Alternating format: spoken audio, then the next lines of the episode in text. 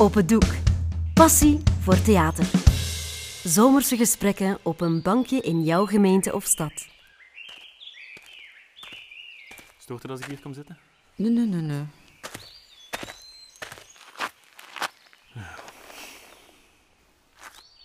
Gewoon even zitten. Hè. Ja, doe maar. Hè. Ik zit hier toch ook maar alleen. Met z'n twee alleen op een bank. Ja, ja. Ik ben het eigenlijk niet meer gewoon om onder de mensen te zijn. Pas op, ik ben niet altijd alleen geweest. Hè. Met mijn eerste man had ik drie kinderen. Maar die is, die is gestorven als die kinderen nog klein waren. Dat, was, dat was heel erg. Dat klinkt misschien raar, maar die kinderen die waren mijn redding. Soms lag je in een hele nacht te schreien. Maar s morgens moest dat gedaan zijn met dat schreien, want met drie kleine mannen in huis is er geen tijd voor verdriet. Als ik zo'n tijd alleen was, dan regelde een vriendin zo'n rendezvous voor mij. Kent dat, zo'n date, zoals ze Ja. nu zeggen. Ja, ja. Dat was een knappe gast. Die verdiende goed en ik was beu om alles alleen te doen. Ik was mijn momenten heel kwaad op mijn eerste man, omdat hij zomaar doodgevallen was en mij in de steek had gelaten. Maar dat durfde ik natuurlijk tegen niemand zeggen. Ik denk dat, ik denk dat ik dat nog nooit tegen niemand gezegd heb. Ik denk dat jij de eerste, de eerste mens bent wat ik dat tegen zeg. Zit er niet mee in hoor. Ik snap dat. Dat is lief van u. Het was heel snel kokenbak met die eh, man van die date, die rendezvous, de Fred. En met hem heb ik dan nog eens twee kinderen gekregen. Want die dronk. Ja. Als die zat was, dan dacht hij dat hij zich alles kon permitteren. Ook met andere vrouwen. Als hij dan zijn roes uitgeslapen had, dan was hij beschaamd.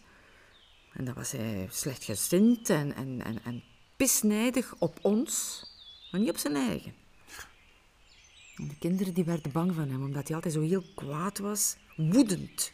En ik kon er hoe langer hoe minder tegen. Dacht, dat is maar liever alleen. Maar wel met vijf kinderen. Want die twee kinderen die ik met, met, met Fred had, die bleven liever eerst bij mij. Ja, een tijdje later, dan ontmoette ik een andere man. De man van mijn leven. En hoe heette die? Anton. Anton. Wij verstonden elkaar zonder woorden. Wij vulden elkaar perfect aan. Ik was smoorverliefd op hem. Eindelijk, eindelijk een groot geluk. Maar met mijn eerste man was ik ook wel gelukkig. Maar dat was eerder een afspraak. Zo van, we kunnen het maar beter goed doen samen, anders is het voor niemand plezant. Ken je dat? Ja, ja. Bij Anton was dat anders. Dat was helemaal anders. Oh, heb je me graag zien? Dat ging vanzelf. Ik was altijd blij om hem te zien. En omgekeerd. Alleen, Oei. wij konden geen dag zonder elkaar, maar wij woonden wel apart. Allee. Hij in een oude fabriek, allee, ze noemen een, loft, zoals ze dat nu zeggen. Ja, ja, ja. En ik, ik woonde in, in een huis op de buiten. Met veel kamers voor al die kinderen. Maar wij wilden graag, zo graag samenwonen. En omdat hij in de stad wilde blijven, liepen wij de zomer geregeld door de straten te fantaseren. Welk huis er groot genoeg zou zijn voor ons allemaal. En op een dag hadden we er een gezien. Een huis dat te koop stond. En wij maakten een afspraak met de makelaar om het eens te bekijken. En op die dag stond ik daar met die makelaar, meneer Van Grotenhuizen. Ja, zo heet het niet, Van Grotenhuizen. Ja. Ik stond ik daar in dat huis te wachten met die makelaar. En Anton die kwam nog niet. Het was te laat, dus we gingen dan zelf maar al beginnen kijken in dat huis. Het was echt een prachtig huis. Echt helemaal wat wij gedachten hadden. Alleen ja, Anton kwam maar niet opdagen. Maar toch niks ergs of zo? Nee, niet meer. Nee, nee, nee. Nee. Ja, hij hij was al getrouwd misschien. Nee. Nee, nee, nee, nee, nee, nee, nee, dat was het ook niet. Ik kwam gewoon niet. En s'avonds ben ik naar hem gegaan en hij was thuis.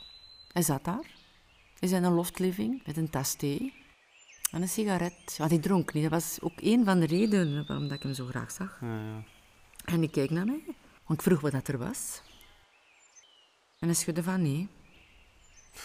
Het was gedaan tussen ons. Allee. Ja. In een huis wonen met vijf kinderen, dat zag hij niet zitten. Maar ik zei dat de liefde dat wel kon overwinnen en dat die kinderen ook niet eeuwig klein blijven. Nog een jaar of twaalf, zei ik. En, en die stonden ook op hun eigen benen. Maar hij wilde niet zo lang wachten. Hij wilde dingen doen die niet gaan met vijf kinderen erbij. Lang reizen, een tijdje in het buitenland gaan wonen. Vrij zijn, alleen zijn, enfin, rust hebben. Tel wat hij nooit kinderen gewild. En zeker geen kinderen van iemand anders. Ja, maar ja, wist hij dan niet dat je kinderen had toen je hem leerde kennen? Natuurlijk wel. ja, ik, heb voilà. hem nooit, nooit- ik heb er nooit een geheim van gemaakt. Ik dacht ook dat hij mij graag zag om wie dat ik ben. Los van alles, gewoon ik. Hè. Ja, sommige dingen gaan zoals ze gaan. En het enige dat je kunt doen, dat is je erbij neerleggen. En hopen dat het verdriet over zal gaan. En het zotte van de zaak is dat ik ondertussen al jaren helemaal alleen ben. Alle rust van de wereld. Alle kansen van de wereld om de wereld rond te reizen. De drie kinderen van mijn eerste man die zijn heel goed terechtgekomen. Te goed, eigenlijk. Ze hebben mij nooit nodig. En de twee kinderen van mijn tweede man die zijn bij een vader gaan wonen als ze nog pubers waren. Want dan mochten ze meer. Hm. Ik ben dus al jaren getraind in het alleen zijn. Ja, wacht. Ja, sorry hoor. Ja, doe maar, doe maar. Hé, hey, schat. Ja. Nee, ik ben nog in de winkel. Hè. Ja. Ja, ik zal meepakken. Ik ben wel nog even bezig, denk ik. Ja, het, was, het was vrij druk onderweg ook. Ja. Is goed. Oké. Tot straks. Jo. Ja. Haha, la la la la la. Je denkt dat je anders ergens anders zit. Hm? Misschien niet ergens, hè? Je geheim is veilig bij mij. Ja. Ja, sorry, maar het is gewoon ook... Snak er ook soms om, om even gewoon het huis uit te zijn, snap je? Even, even alleen zijn, want dat ben ik haast nooit niet meer. Ik ben juist eh, papa geworden. Oh, allee, proficiat. Dank u, dank u. Uw eerste kindje. Nee, nee, nee, nee. Eh, we hadden al twee, twee kinderen, twee flinke dochters, maar eh, mijn vrouw en ik wilden nog een derde. Ah. En we waren dolgelukkig als mijn vrouw zwanger was, maar ja... ehm, het was een tweeling. Oh, een tweeling, ja. Ja. Ik ben nog nooit zo moe geweest in heel mijn leven. Hè. Dat is ongelooflijk. Een Er kleine- valt gewoon nooit meer aan die kinderen te ontsnappen ook. Mhm. Als het ene s'nachts heeft gegeten hè, en heeft een andere een honger. ja. En s'morgens zijn onze twee oudsten dan weer wakker om zes uur, hè, klaar voor de dag, je kent dat. Mhm. Terwijl ik en mijn vrouw dan voor de zoveelste keer hebben moeten opstaan s'nachts en amper drie of vier uur geslapen hebben, als we geluk hebben tenminste. Mhm, Ja, vier kleine kinderen, dat is wel veel. ineens, Inderdaad. Allee, vooruit zeg. Ook een kroostrijk gezin. Ja, En heb je zo wat hulp van je ouders? ja, ja maar allee, we willen ze dat niet aandoen. Ja, allee, dat is ook heel veel werk voor hun. Nou, als ik je een goede raad mag geven.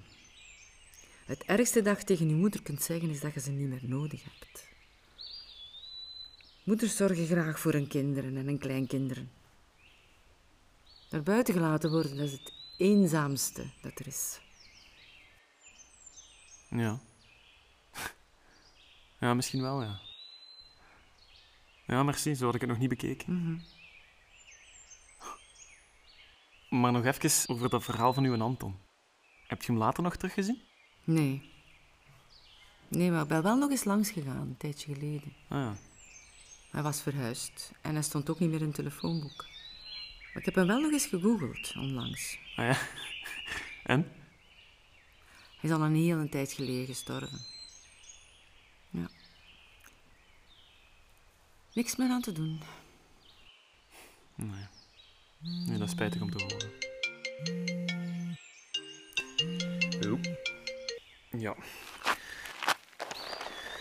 Bon, ik ga er stilletjes aan eh vandoor moeten gaan, anders gaat het heel lang duren. Dat is niet erg. Dat is niet erg. Ik vond het wel heel tof om met u hier te babbelen. Als ik er nog eens tussenuit wil knijpen, dan kom ik zeker terug naar u. Dat zou heel tof zijn. Ja. Alleen is maar alleen. Dit was Met Twee Alleen van schrijver Soetkin Bulke. Je hoorde de stemmen van Niels Luiten en Claire de Koster. Dit verhaal is een onderdeel van de podcast Het Bankje. Een project van Opendoek naar een idee van Wim Gilles. Zin in meer? Ga dan op zoek naar de andere verhalen op bankjes in jouw gemeente of stad. Wil je meer weten over Open Doek? De koepelorganisatie voor het amateurtheater in Vlaanderen en Brussel? Surf dan naar www.opendoek.be.